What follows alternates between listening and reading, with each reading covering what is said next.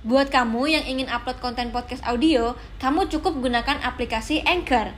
Aplikasi gratis yang bisa kamu download di App Store dan Play Store. Anchor akan mempermudah mendistribusikan podcast kamu ke Spotify. Ayo, download Anchor sekarang juga untuk membuat podcast show kamu. Wah, HB aku tuh selalu 9. Normalnya 12 ya. Lalu udah aku 9 di bawah terus sus leukosit aku selalu tinggi. Ayo deh kita laboratorium anak deh uh, profile buat mastiin ini lupus atau bukan. Akhirnya pas aku baca buru-buru kan kayak positif. Ih hancur banget. Aku sampai nangis spontan dulu. Ya Allah kataku ini apa lagi? Gitu.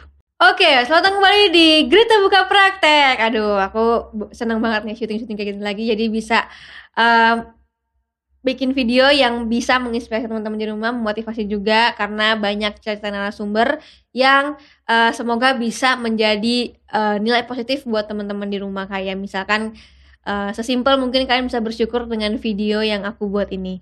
So, hari ini uh, narasumber aku akan bercerita tentang kehilangan sosok ayah dari kecil. Ditinggal ayahnya dari umur 10 bulan ya. Iya. 10 bulan jadi ditinggal dan istilahnya tidak tanggung jawab lah ya. Benar-benar lost contact ya? Lost contact. Oke. Okay.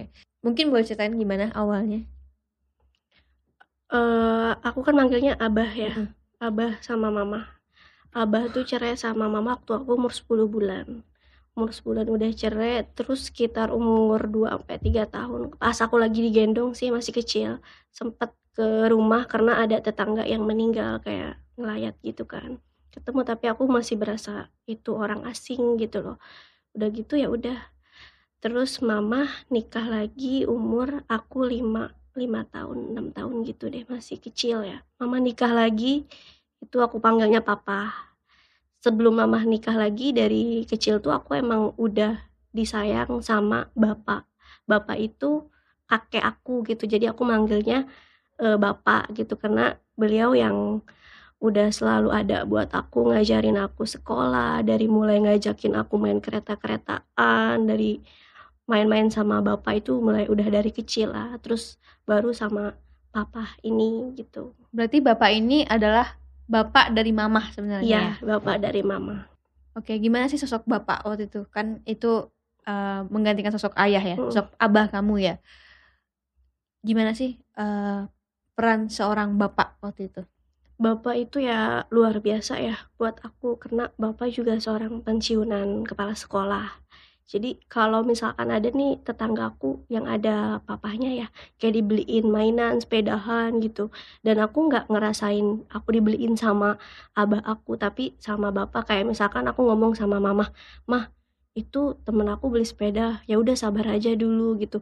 Mah, temen aku tuh beli kayak hitungan yang rantai-rantai begini tuh yang waktu sekolah anak SD ya udah sabar aja dulu. Dan ternyata itu semua bapak yang ngebeliin. Hmm. itu waktu aku masih sebelum papa uh, mama menikah lagi dengan papa ini gitu. Terus akhirnya mama menikah lagi sama papa? Uh -uh, menikah lagi sama papa. Umur aku sekitar 5 sampai enam tahun lah. Setelah aku itu mama cerai lagi sama papa. So kamu berarti uh, anak tunggal? Aku punya adik adanya dari yang mam yang dari papa dari ini. papa kan ya, ya. oke berarti uh, kamu kalau yang sama abah sama mama hmm. itu anak tunggal berarti anak ya? tunggal aku aja terus punya adik sama papa, papa. ya oke okay. berarti bedanya lumayan jauh ya uh -uh. oke okay. uh, sama papa deket deket karena waktu aku kecil kan ada swalayan tuh namanya sahabat gitu. Waktu kecil kan swalayan tuh udah dibilang wow banget gitu kan. Sedangkan papa aku kerja di Ancol. Jadi setiap minggu itu selalu digendong di sini. Uh, aku bilang apa ntar mainnya ke sahabat gitu. Aku mau makan chicken. Pokoknya kalau nggak makan ya aku nggak mau makan gitu. Karena udah dimanja sama papa itu dari kecil gitu. Ya udah ayo. Jadi setiap minggu sama beliau ayo kita main dulu main dulu gitu ke mana? Sampai sekarang pun dia masih sayang banget sama aku. Wih udah lama itu kan berarti kan? Ya udah lama. Oke nah setelah itu kamu tinggal sendiri lagi sama mama? Iya sama adik aku. Sama adik kamu. Mm -hmm. tapi papa yang ini uh, lebih bertanggung jawab ya? Lebih Maksudnya biarpun cerai tapi masih masih in sering sampai sekarang sampai sekarang. sampai anak aku aja sering lari kan gitu Hmm. kan encis encis kayak eh, minta jajan gitu kan dikasih sama beliau jadi Wow. kalau ketemu juga udah kayak anak sendiri aja kayak eh, dipeluk disayang gitu kayak "Pe, mau makan apa gitu kan jadi kayak beliau itu kan emang belum nikah lagi kan Mm. papa aku itu buka sayangnya sama aku sama seperti sama anak kandungnya beliau gitu Ya berarti kamu bersyukur banget ya, ya punya papa. alhamdulillah Dan di umur 12 kamu katanya ketemu dengan eh, abah. Iya, waktu saat itu kan ada pramuka gitu ya di lapangan karena kebetulan aku sama abah aku itu satu kecamatan beda SD karena abah aku itu kayak punya sekolah yayasan gitu kan. Ada anak muridnya ketemu sama beliau terus kata bibi aku gini, bibi aku tuh kayak pembina pramuka gitu. Itu ada abah kamu katanya. Mana? Aku bilang, "Oh iya itu." Terus dia bilang, "Itu nupus di situ." gitu kan. Kata orang-orang nyamperin sempat makan bakso bareng Hmm. tapi setelah itu ya Wak- apa yang waktu itu diobrolin inget nggak? enggak sih karena dia bilangnya udah gede ya sekarang bilang gitu iya karena aku masih kayak ngeblank gitu kan Hmm. cuman taunya ya itu abah aku gitu dari kecil yang nggak pernah ada buat aku gitu kayak oh itu abah kandung aku gitu loh.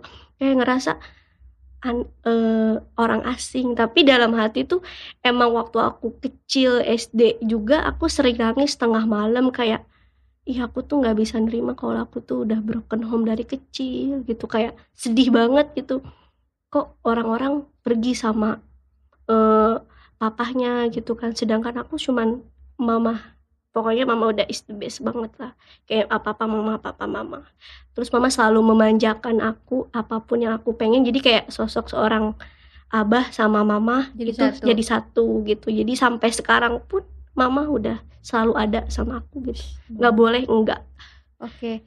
Kamu kan berarti kan sebenarnya nggak tahu. Apa tahu eh, perawakan abah seperti apa? tahu Oh, tahu. pernah dikasih lihat foto gitu misalkan. pernah kasih lihat foto juga karena pada saat aku kecil itu kan mama kayak nggak apa sih udah nggak suka lah sama abah dengan eh, sikapnya begitu sama aku jadi aku punya dua akte waktu itu Hmm. akte yang atas nama papa ini akte yang atas nama abah ini gitu Oh. jadi dibuatkan oke, dua oke. akte aku bilang kok namanya beda aku Hmm. bilang lah ulang kamu kan udah punya abah sebenarnya gitu di Hmm. sana. Oke, waktu pertemuan sama abah pertama kali gimana? ya spontan aja ini. Hmm. ini nufus gitu kan. Hmm. udah gede gitu. Iya aku bilang kenapa? Sakit. Aku bilang udah makan belum? Gitu kan.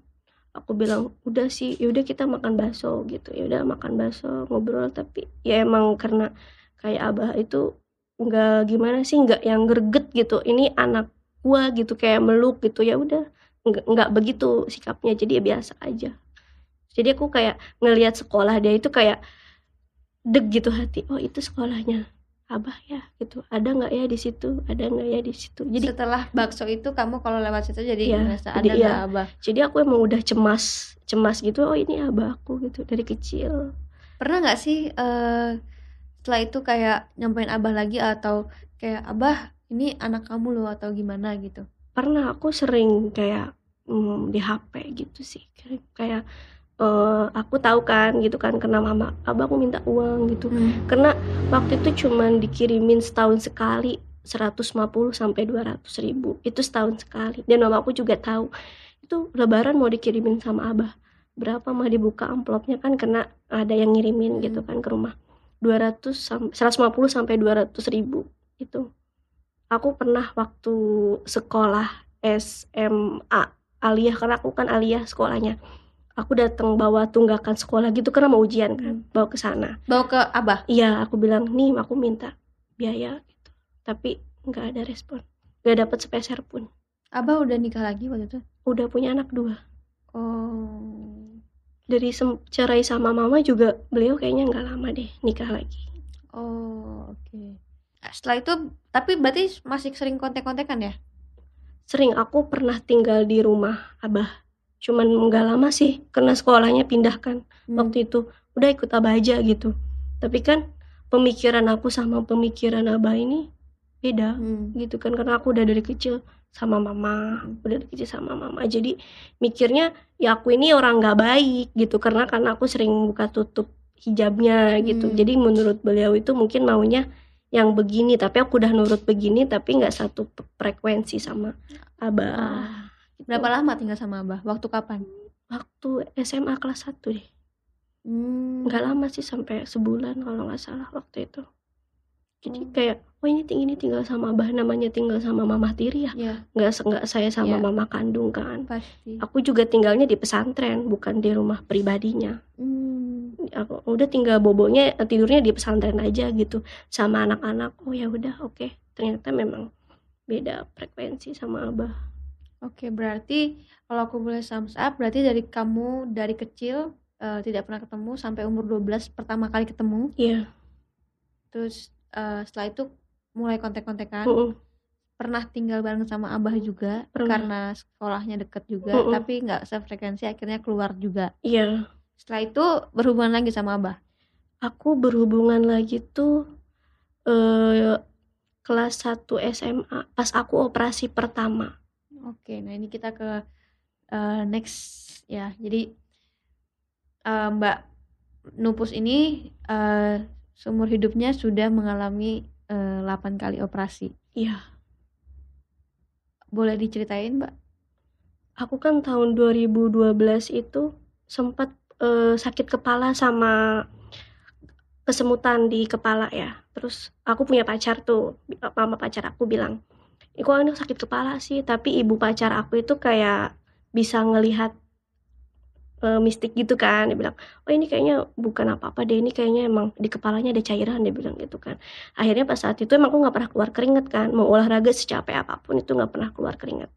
Udah gitu, pas mama pulang dari acara sekolah, aku bilang sama mama, "Ma, aku sakit kepala." Kata ibu bilangnya begini, ya udah kita ke rumah sakit aja. Ke rumah sakit dicek semua, ternyata memang ada cairan eh, hampir satu liter di kepala. Wow. Cairan otak kayak kista gitu. Mhm. Gede sih kayak kantong gini, lumayan gede di kepala. Karena itu udah neken banget sampai ini ubun-ubunnya juga sampai sekarang masih keluar gitu. Aku sempet dibotakin gitu kepalanya. Karena dibuka kan berarti kan? Iya. Buat keluarin airnya kan? keluar airnya dibuka gitu botak gitu udah gitu kata mama eh aku minta sama dokternya. Mama itu ngomong dok aku minta sama dokternya buat obat yang paling bagus buat lupus aku bilang mah aku bilang itu kan pasti di luar BPJS ya Hmm. karena pas itu masih ikut mama askes yang Mhm. PNS itu. Karena pas aku operasi di rumah sakit swasta jadi eh, 30% kita yang bayar gitu pas itu. Satu kali suntik itu 3 sampai 5 juta buat penyembuhan itu kan pernah minta sama abah kan sekali dikasih 5 juta sama abah. Pernah jenguk sekali itu. Jenguk ke rumah sakit terus kayak aku kan di ICU tuh lama ya berapa hari? 3 sampai 4 hari di ICU karena mungkin sadarnya lama Mhm. gitu kan. Terus tadi ada abah kamu ke sini gitu kan. Ngasih uang gitu. Berapa mah? 5 juta. Dan itu selalu diungkit bahwa uang itu dapat pinjem dari saudaranya gitu. Sedangkan mama waktu itu udah habis biaya 70 juta. Setelah itu eh operasinya kan berhasil. Mm-mm, berhasil. Ada gitu kayak berhasil tuh cuman kayak aku bukan kayak ngerasa diri sendiri gitu. Kayak ih aneh gitu kan. Kayak aku normal pemikiran cuman kayak lebih lemot tell me gitu kalau mikir gitu kan. Karena dari situ mulai sekolah aku keganggu keganggu karena aku sakit habis operasi itu. Dan habis operasi itu aku sempat kejang demam sampai dua kali rawat inap udah pertama tuh udah pulang dari operasi terus berapa hari kemudian aku kejang demam lagi muntah balik lagi ke rumah sakit seminggu lagi terus nyampe rumah udah balik lagi ke rumah sakit itu itu stepnya lumayan Lumayan panjang. banyak, Iya, iya. karena itu kan apalagi kepala ya, itu kan Kepala. pusat dari semua Mm-mm, eh, organ tubuh kita. mm-mm. Itu operasi pertama, lalu operasinya apa saat lagi? kedua itu kepala lagi Heeh. itu kan selang eh, 10 bulan. Akhir tahun tuh pas saat itu aku bilang mah kok kepala aku nggak enak ya? Muntah terus. Aku bilang mual aku bilang gitu kan. Terus karena udah care banget sama dokter Saprijal tuh dokter kesayangan aku banget bilang dok aku aku boleh kontrol lagi nggak? Boleh ke rumah sakit. Dan ternyata si selang itu beroperasi terus. Kayak eh, ada terus gitu produksi terus Mhm. tiap saat terus dalam pertimbangan lah ini kan masih sekolah tapi harus pasang selang. Gitu. Karena kita nggak tahu bakal ternyata si cairin ini bakal beroperasi terus gitu. Menurut Hmm. dokternya gimana?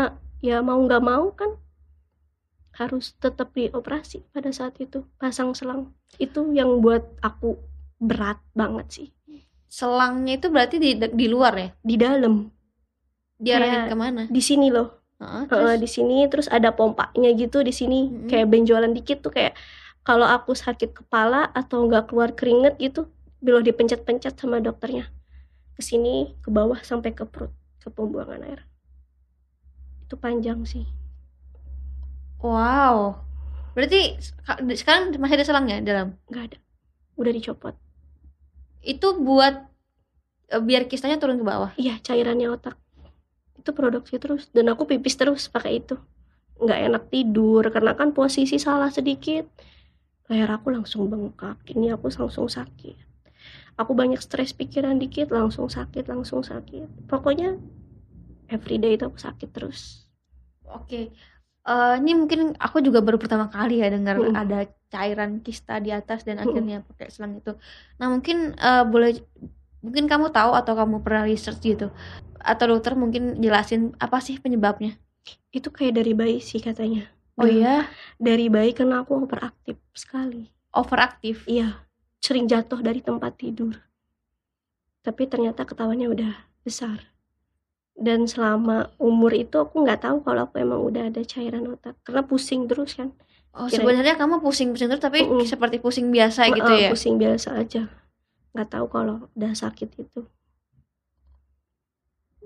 jadi aku pakai selang tuh sekitar 7 tahun 8 tahun deh Jadi dari operasi kan 8 kali operasi. Mm-mm. Operasi pertama, operasi kedua, terus kemudian sinusitis juga ya katanya. ya itu operasi ketiga itu aku satu bulan setelah post op Heeh. eh, pipisan selang Heeh. ini aku ternyata usus buntu jadi udah perut sebelah kiri yang dijahit juga kan karena panjang Iya, segini terus udah gitu tiba-tiba aku bilang sama bapak aku ya Heeh. ada bilang pak pupus kok sakit perut terus ya sebelah kanan gitu kan. Kenapa ya? Aku bilang.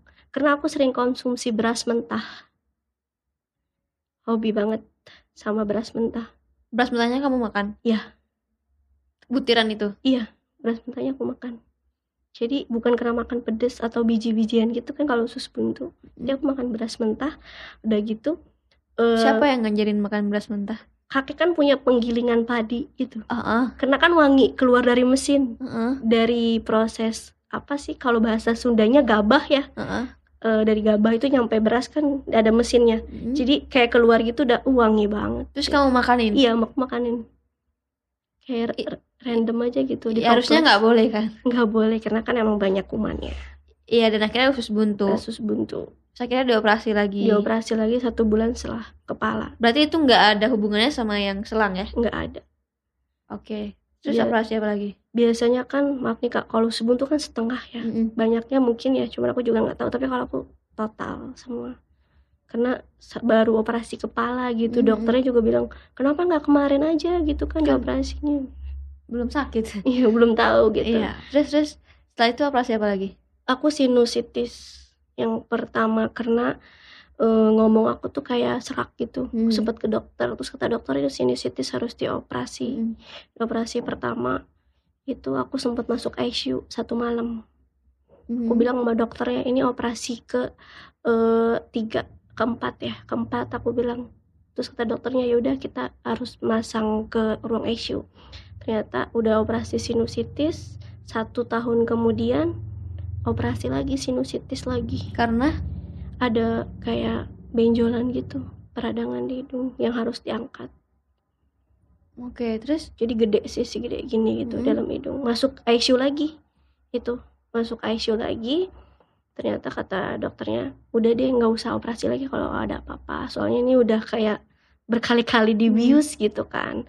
Aku juga sempat masuk eh, bius juga endoskopi lambung yang bilang dokter selalu endoskopi lambung tuh kayak setengah dibius kan masuk kayak Iya, alat ke dinding iya. Mm, buat gas tiris karena Hmm. memang ada asam lambung juga tuh terus setelah itu aku sesar operasi anakku karena itu ribet banget ya Mhm. prosesnya aku udah ceritain aku tiga kali ke dokter anestesi buat mikir ini harus bius setengah atau bius total Hmm. karena riwayatnya udah Iya. banyak gitu sedangkan aku nggak bisa kalau normal aku juga nggak bisa KB sembarangan gitu kan udah dalam pertimbangan dokter ya mau nggak mau ya harus sesar anakku sesar karena beratnya berat waktu itu 2,4 masuk kayak eh, nicu gitu karena kecil kan Oke. Ber- Berarti terakhir operasi sesar ya? hidung satu kali lagi Hidung. Mm-mm. Karena ada kayak tulang bengkok gitu di dalam. Tulang muda yang bengkok itu di rongganya dan itu memang harus diambil. Sebelumnya aku nggak tahu ya. Karena pada tahun 2020 pas aku remop eh, sebelumnya aku kan demam nih aku lagi kerja. Mm-mm. spontan aja gitu aku langsung "Ih, capek banget kata suami. Mungkin karena selangnya pegal kali ya aku udah minta pijit sama teman. Ternyata pas pulang langsung tiba-tiba nggak bisa bangun.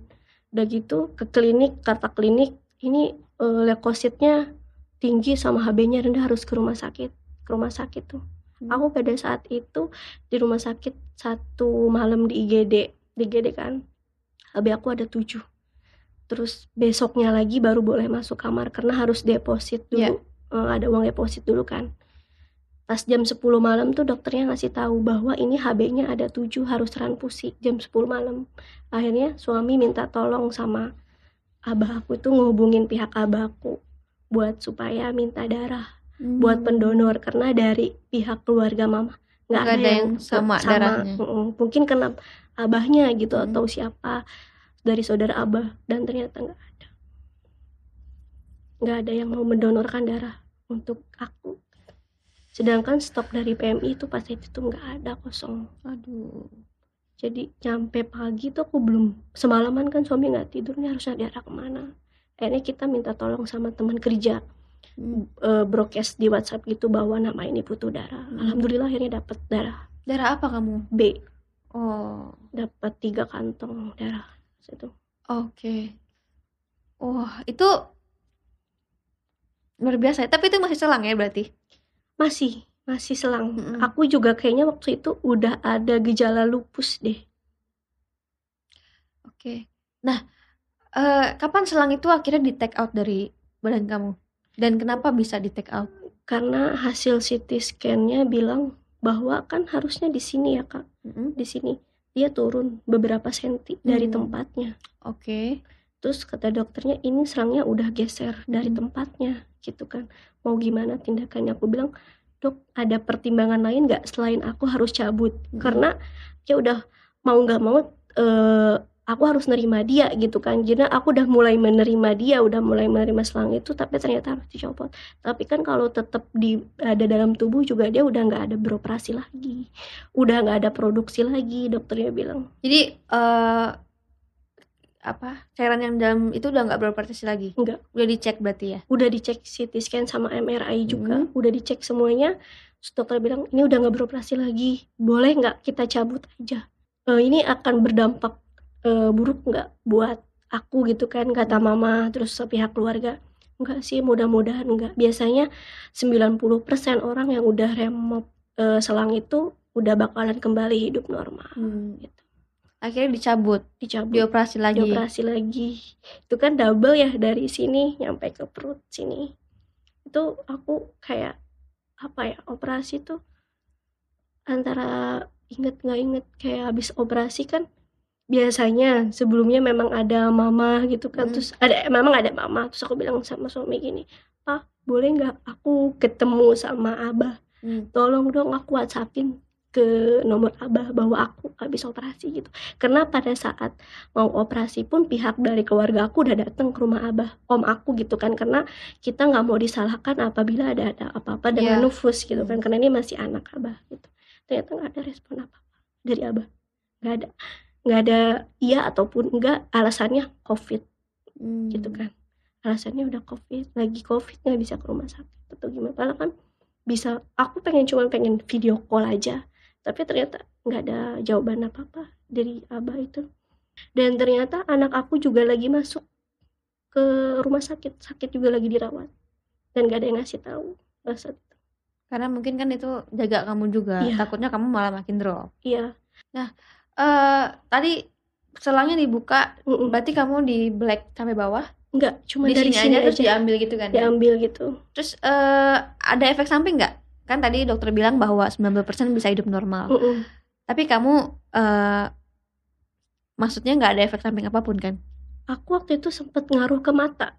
Oh ya? Mhm. Nah, jadi aku dari itu, aku sempet ngaruh ke mata, terus aku juga sempet ini pada bengkak, semua pada bengkak, terus fisioterapi sampai 20 kali ternyata memang nggak ada hasil apa pun. Akhirnya rumah sakit itu merujuk aku ke RSCM Cipto Jakarta. Eee, ke RSCM dirujuk untuk Ke dokter mata. Karena aku bilang itu kan neurooftalmologi kayak buat saraf gitu kan, saraf mata. Akhirnya dari situ aku di MRI, terus udah gitu hasil MRI-nya, hasilnya bagus kepalanya dan ternyata ada si hidung itu. oh jadi ke hidung Mhm, baru ketahuan hidung yang itu. bengkok? Yang yang terakhir bengkok, ya? yang benjolan, ada tulangnya bengkok itu. Oh, oke. Huh, tegang ya. Oke. Aku juga pengen ngeluh apa yang aku rasain, kayak udah beban hidup, aku pengen cerita sama Abah, tapi ternyata aku tuh kayak nggak bisa bilang sama siapa-siapa, lebih sendiri aja sih, ngerasain sendiri. Karena aku nggak mau cerita sedihnya aku tuh sama mama aku, karena udah banyak banget beban sama masalah yang tentang hidup aku, sakit aku yang mama rasain. Jadi kayak ya udah diri sendiri aja yang bisa ngerasain. Akhirnya mau nggak mau kayak netes satu satu satu meledak. Jadilah aku sering kayak cemas, kayak punya depresi gitu sih. Kapan kamu ngerasa kamu punya depresi dan akhirnya kamu ke psikiater? Itu aku kan diponis autoimun bulan mulai bulan Agustus itu setelah operasi Setelah Hidung. operasi Hidung. hidung. Selesai. Terus dilihat dari laboratorium hasil kan rutin lab terus kan. Kata dokternya, ini tuh kamu kok tinggi terus? Padahal kamu udah kita operasi terus kamu juga nggak covid kamu juga seminggu dua kali kamu swab juga gitu kan. Ini apa ya? Aku lemes terus dok. Aku juga sering demam berkepanjangan. Aku sering ruam pipi di merah. Akhirnya dirujuk tuh ke dokter penyakit dalam di RSCM sering bintik-bintik di merah di tangan lebam di mulut apa sih di muka sariawan terus terus kaki pada bengkak sendi sakit. Pe- pokoknya pengen selalu diurut setiap hari. Badan aku tuh kena kayak ngerasa sakit terus. Itu akhirnya step by step rumah sakit bilang ayo deh kita laboratorium anak deh Eh, anak profile buat mastiin ini lupus atau bukan gitu kan. Terus itu ya udah dok oke aku siap mau gitu kan. Pas udah cek kan posisi aku sendiri ke rumah sakit kan. Aku lab tuh baca wah HB aku tuh selalu 9 normalnya 12 ya. Lalu udah aku 9 di bawah terus sus leukosit aku selalu tinggi. Terus kayak ada beberapa hasil darah yang tinggi terus nggak di apa sih di, di atas batas normal terus pas aku lihat profile anak aku kan searching juga di YouTube di Google gitu kan. Cek anak tuh apa? Dok cek anak tuh apa? Itu buat mastiin itu lupus atau bukan? Autoimun atau bukan? Akhirnya pas aku baca buru-buru kan kayak positif. Ih hancur banget. Aku sampai nangis. Spontan dulu ya Allah kataku ini apa lagi? Gitu aku udah capek udah kemarin aja yang operasi hidung aku udah tingkat stresnya udah tinggi banget gitu loh bolak balik di rumah rumah sakit terus gitu. Ini apa lagi gitu? Aku sampai chat dokternya dok kalau dokter kan maunya yang terbaik mencoba tenang gitu kan kakak tenang dulu deh itu belum tentu autoimun gitu kan. Tapi aku bilang ini HB-nya aja segini. Aku bilang aku tuh udah tahu semua kalaupun aku aku udah berapa tahun di rumah sakit jadi aku tahu mana yang mau normal mana yang enggak. Aku langsung telepon mama mah aku positif anak aku gitu. Mama aku langsung ya Allah Allahu Akbar gitu. Terus harus gimana? Sedangkan aku udah searching kan. Yang membuat stres sih kayak searching di YouTube gitu di Google. Bahwa itu tidak bisa disembuhkan secara total gitu. Jadi ya cuman ada pengobatan buat supaya ngurangin nge- gejala-gejalanya aja yang sakit gitu. Itu terpukul sampai stres banget. Aku sampai bilang sama suami udah deh kalau aku yang ninggalin kamu duluan gitu aku yang mati duluan udah kamu jangan nikah lagi aku udah ikhlas aku bilang aku mau samping bapak aja sama kami aku udah capek aku bilang. Itu tetap e, ngomong begitu terus sama suami apa sih ngomong kayak gitu? Gitu kan. Ya berusaha dulu lah aku bilang. Aku udah capek gitu. Jadi kayak posisi di bawah aku posisi sendiri di rumah sakit gitu kan. Pulangnya nangis panjang di kereta aja aku nangis terus gitu. Tapi di rumah aku nggak mau nangis aku tuh ketahuan sama mama dan keluarga aku gitu. Jadi kayak ya udah deh harus biasa lagi mau nggak mau gitu. Besoknya baru aku ketemu sama dokternya. Posisi aku sendiri dokternya nggak jelasin ini tuh atau yang lupus ini udah dibilang diagnosa apa sih dok? Aku bilang ini tuh udah udah lupus gitu. Kamu masih merah ruang pipi kayak jari itu pada bengkak tangan sendi sih yang paling sakit terus sakit kepala terus gitu aku bilang aku juga pernah demam berkepanjangan selama 20 hari di tes web eh, negatif gitu kan. HB-nya selalu rendah. Ternyata memang dari si lupus ini gitu. Jadi itu yang membuat aku susah menerimanya kan kayak penyandang autoimun itu sehat loh tapi kok sakit terus. Tapi kok sendinya ini sakit banget gitu loh. Sampai aku tuh bulan kemarin apa Oktober gitu ke kok di kursi roda saking sakitnya itu karena aku bilang aku nggak kuat jalan aku, aku sakit gitu. Tapi mau gimana pun di rumah aku harus beri, bisa berusaha aku harus bisa jalan. Karena depan anak aku juga aku harus baik depan orang tua depan siapa pun. Jadi nggak pernah kayak cerita aku tuh gini-gini ke mama gitu. Jadi mama tahu kok kamu bisa autoimun? Aku bilang dari faktor apa? Aku juga nggak tahu. Kalau dari gen kan nggak ada. Keluarga aku banyaknya diabetes dari faktor eksternal mungkin dari makanan atau dari tingkat stres aku juga tinggi dari tingkat depresi aku juga tinggi itu bisa masuk si autoimun tuh dalam tubuh aku gitu. Itu membuat aku sampai stres tuh aku kayak bener udah level orang stres banget gitu kan. Depan anak aku aku sering tantrum marah gitu sama anak. Kayak anak aku kan umur 2 tahun pengen YouTube ya. Gak ngerti bahasanya ini apa kamu tuh maunya apa sih? Ya aku langsung panas gitu demam. Tiba-tiba kayak gemeter aku lempar robotnya. Terus sorenya dia langsung bilang papa Nini kok kakinya patah? Kata papanya. Aku nggak bilang kalau aku habis e, berantem sama anak aku ngomelin gitu kan. Jadi sampai sekarang anak aku tuh kayak ngerasa takut kalau aku marah. Kayak dia tuh punya kalau psikiater bilang tuh kayak trauma gitu ngeliat kalau aku marah jadi sekarang pun kalau aku marah kayak ngejambretin rambut mukul-mukulin nendang aku tuh kayak bener-bener aku tuh dikeroyok gitu sama dia gitu. Tuh nyampe sekarang. Jadi efeknya ke anak juga ya? Iya. Oke. Okay. tapi bersyukur punya suami yang luar biasa iya ya? alhamdulillah kalau aku sakit ngeluh tuh dia aku nggak pernah nggak. Aku bilang pak aku mau jajan ini karena kan aku senengnya makannya. Mau jajan ini boleh mau makan ini boleh aku ini boleh. Selalu nggak bilang nggak sama seperti mama gitu. Oke. Okay. perjalanan yang panjang hidupnya. Yeah.